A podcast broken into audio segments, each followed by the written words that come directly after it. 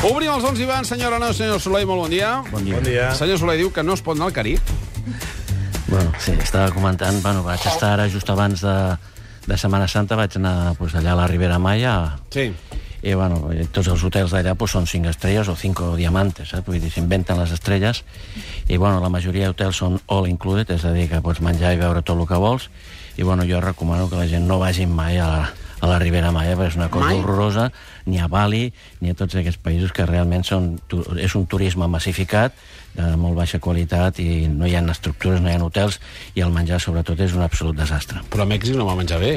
No, a, Mèxic, a, Mè- a Mèxic es menja molt malament. Possiblement al restaurant mexicà dels Adrià es menjarà molt bé, això segur que sí, Sí. com ara han obert aquest nou restaurant peruà al Patca, que segurament és el millor restaurant peruà del món, però tot ha de passar pues, reciclat pues, per, per gent com a, els estàvem a. Mèxic, la cuina mexicana. Bueno, la cuina mexicana és que no existeix, la cuina mexicana és... és Jo- jo els hi diré, És, el- és tot recremat i tot horrorós. Ah, sí? No, S'ha d'inventar la cuina mexicana? S'ha d'inventar, Jo, no jo existeix. els hi diré al maig, vaig una, una visita al, a la capital, al DF, per presentar la de los Valientes, i, i la previsió de visitar restaurants interessants. Com que no ha passat, mm, reservo l'opinió fins tornar-hi. Bueno, doncs aleshores, quan, quan passi ja, ja ens explicarà. Vostè de què vol parlar, senyora Nos? Jo vull parlar de, eh, d'un restaurant de Castelló, que està aquí al costat i a vegades sembla que estigui molt lluny. I, i és una ciutat, i un, és una societat eh, gastronòmicament molt conservadora. Però he descobert una cosa molt, molt atractiva a una població que es diu Valld'Alba, un poble de 3.000 habitants, a 20-25 minuts eh, de Castelló capital, i es diu Cal Paradís. I eh, aquesta és una gent que havia estat tota la vida a un restaurant, eh, una família havia tingut un lloc que es deia El Paraíso, i eh, amb, amb mans del, del fill, el fill que ja és una persona gran, que es diu eh, Miguel Barreda, i la seva dona Àngela, fa dos anys van decidir donar un tomb i ser una mica més ambiciosos gastronòmicament, i tu la sorpresa ha sigut espectacular. Vaig menjar-hi molt, molt, molt bé. Sardina marinada amb musclos, tomàquet de penjar farcit amb sardina de bota, uns grandiosos tirapecs farcits de botifarra i també un verat escabetxat amb cítrics. I de postre un pastí de carbassa.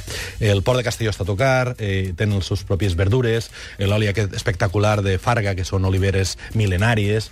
Clar, és una gent que té pura pur territori, no? Pur territori amb seny gastronòmic. I és aquest molt bon eh, resultat i amb un preu fantàstic. Menús de 25, 35, 48 euros. I també van veure Vi del Territori. I bé? Sí, La perdició de Segorb. Senyor Soleil. Sí, abans he escoltat el Pepe Reventós, que, que han estat parlant de la sortida de la seu celler de la Cava. Sí. Jo només volia dir que no, no tinc res en contra del Cava, però el problema del Cava és de que es paga a preu, a preu de l'Ambrusco, no? O sigui, és, és un, és un, és, aquesta denominació està molt desprestigiada, i llavors pues, sortir de la denominació és una cosa que em sembla bé com a projecte, però després ubicar-la és, és molt difícil, perquè els vins espumosos pues, són vins que, que no tenen cap tipus de prestigi en el món. Vull dir que és molt difícil clonar és impossible clonar un, un terroir, una denominació com la Xampanya, com la Borgonya, són, són denominacions d'origen eh, que estan allà i que no poden estar a un altre lloc, i llavors és molt difícil competir amb, amb, amb aquest tipus de productes. I també volia comentar que el preu del raïm del Penedès, que es paga pel FECAVA, es paga entre 10 i 30 cèntims al quilo. Es va pagar aquest estiu passat, que va ser una bona collita, i es va pagar 30 cèntims al quilo. El quilo de raïm a la Xampanya val 6 euros al quilo. I entenem que 6 euros al quilo és una altra qualitat de raïm, és un altre producte, és una altra cosa. Llavors, jo l'únic que dic que no, no es poden comparar res més. Mm -hmm. Ara no? A mi m'interessa molt també la conversa amb el Pepe, després hem estat parlant amb ell una mica aquí fora, i la voluntat aquesta de gent del món del cava, cavistes, que ho fan molt bé, ells, la gent de Recaredo, la gent de, de Gramona amb el Seia Batlle, la gent de Torelló, o sigui, hi ha una aposta seriosa eh, de fer uns caves potents que poden competir amb els grans xampanys. Eh, no, no és aquesta cosa de, com si fos pixat, eh, embotellat. No, no gent seriosa, gent que treballa uns volums, que t'estàs bevent això, i és eh, molt espectacular. I m'agrada molt, m'agrada molt que no sigui apàtic, que no sigui un món abúlic, que hi hagi gent com el Pepe que diu, ostres, hem de fer coses, hem de construir, hem de competir, hem d'existir-hi al món. No és aquella cosa, he heretat una historieta i simplement la vaig, no, eh, per viu, i anem fent, i anem fent. No, no, agafar el, el toro per les banyes eh, i, i tirar endavant i fer una cosa diferent. I m'agrada molt aquesta voluntat d'aquestes persones. Ah. Anem, anem Tornem als temes que, que han de proposar Sí, vostès. a- a- el Pepe ja l'he proposat jo. El, el, eh, Pedro Guerra enmig, entre el Pepe i nosaltres, bé. Digui.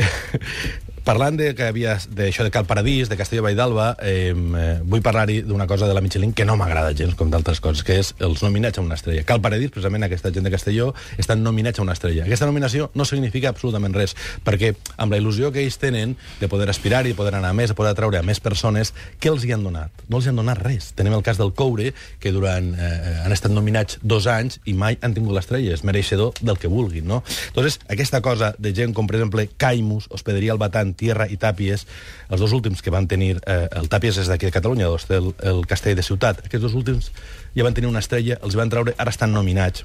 Realment, què estan venent? Què estan explicant? O tens l'estrella, te la donen, o no te la donen. Però la nominació és el no res. I em sap greu per les persones que lluiten i que estan en aquest ai durant tot l'any, què passarà, què passarà al novembre? Bueno, això segurament si no els hi donessin tanta bola en el, les Michelin i valoressin més els restaurants per ells mateixos, anirien millor tots plegats, no? La, la tonteria que acompanya les Michelin també perjudica els, els restaurants, senyor Soleil.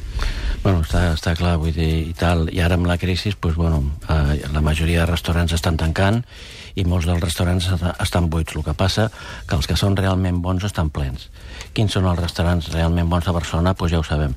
Jo el que voldria parlar era és una miqueta dels restaurants de, dels germans Adrià a Barcelona i de, del grup Iglesias. Els restaurants, doncs, el Tickets i el 41 graus han dinamitzat molt la, el Ries de Galícia, han dinamitzat l'Espai Cru i han dinamitzat molt la Canyota. Vull dir, són restaurants que ara estan tots absolutament plens, igual que el nou restaurant peruà que han obert al carrer Lleida fa unes setmanes, que és el Patca, que seria pues, Pacta, possiblement... pacta. Patca. que Pac, se- pacte. Pacte, perdoni, sí, que seria possiblement pues, el millor restaurant peruà del món, simplement perquè ha passat pels sedars d'aquesta gent que han, han sapigut treballar pues, tota aquesta cuina peruana, no? Llavors jo voldria dir que jo, per diferents raons, he estat ja tres vegades al 41 graus amb diferents persones, que és el restaurant que està al número 164 al paral·lel, i aquest és un restaurant germà del famós restaurant Tickets. Està dirigit magi- magistralment per l'Albert Adrià i, sens dubte, seria el millor restaurant de cuina d'avantguàrdia del món. Eh, eh, seria també un resum de 25 anys de cuina del Bulli, de bona feina al Bulli, i penso que és una experiència única que, que va- val molt la pena. Almenys són aproximadament uns 41 snacks que es mengen amb les mans i 5 còctels. El preu per persona són 200 euros i només es pot reservar per internet. Bueno, després de sopar, aquest local que està magníficament decorat, és molt maco, molt, molt, molt modern, es converteix en la millor cocteleria de la ciutat. A més, pe- però l'ambició va més enllà. En realitat, eh, eh, la idea és traslladar-ho a dalt per tenir millors condicions i tornar a convertir aquest espai on el Pere parlava eh, únicament ser eh, cocteleria. O sigui, que aquests canvis són vertig eh, en vertigen i permanentment estan passant coses, no? El 41 canviarà, hi ha aquesta esperança d'obrir el, el, el mexicà aquí al Raval... Clar, és un dinamisme que jo el que crec que al final acabarà petant Albert Adrià, perquè una altra persona que no fos tan maniàtica del control, de tenir-ho tot bé, eh, sota eh, la, la seva fèrria vigilància, eh, no sé com podrà dividir-se amb, amb, amb tants llocs per poder tenir el, el pacte, que és extraordinari, el 41, el Tickets, el mexicà... Bueno, veiem, esperem que, eh, si no el clonen, pues que no peti. Una última ràpida, el Soleil, i marxem. Bueno, jo voldria insistir una vegada més amb el bar de vins de la Moritz, eh, dirigit pel, pel Xavier Ayala, que és el sommelier en cap, i que ha seleccionat els millors vins del món al millor preu del món. Eh? Es poden prendre copes, mitges copes, copes senceres, ampolles, tot el que vulgueu. Una carta sensacional d'entrepans, de cocots, de, de, de formatges artesans i embotits. Tot és absolutament màgic. De moment és un local que no té massa èxit, però que jo el recomano molt. Senyors, moltíssimes gràcies. Adeu. Pausa i parlem amb Pere León.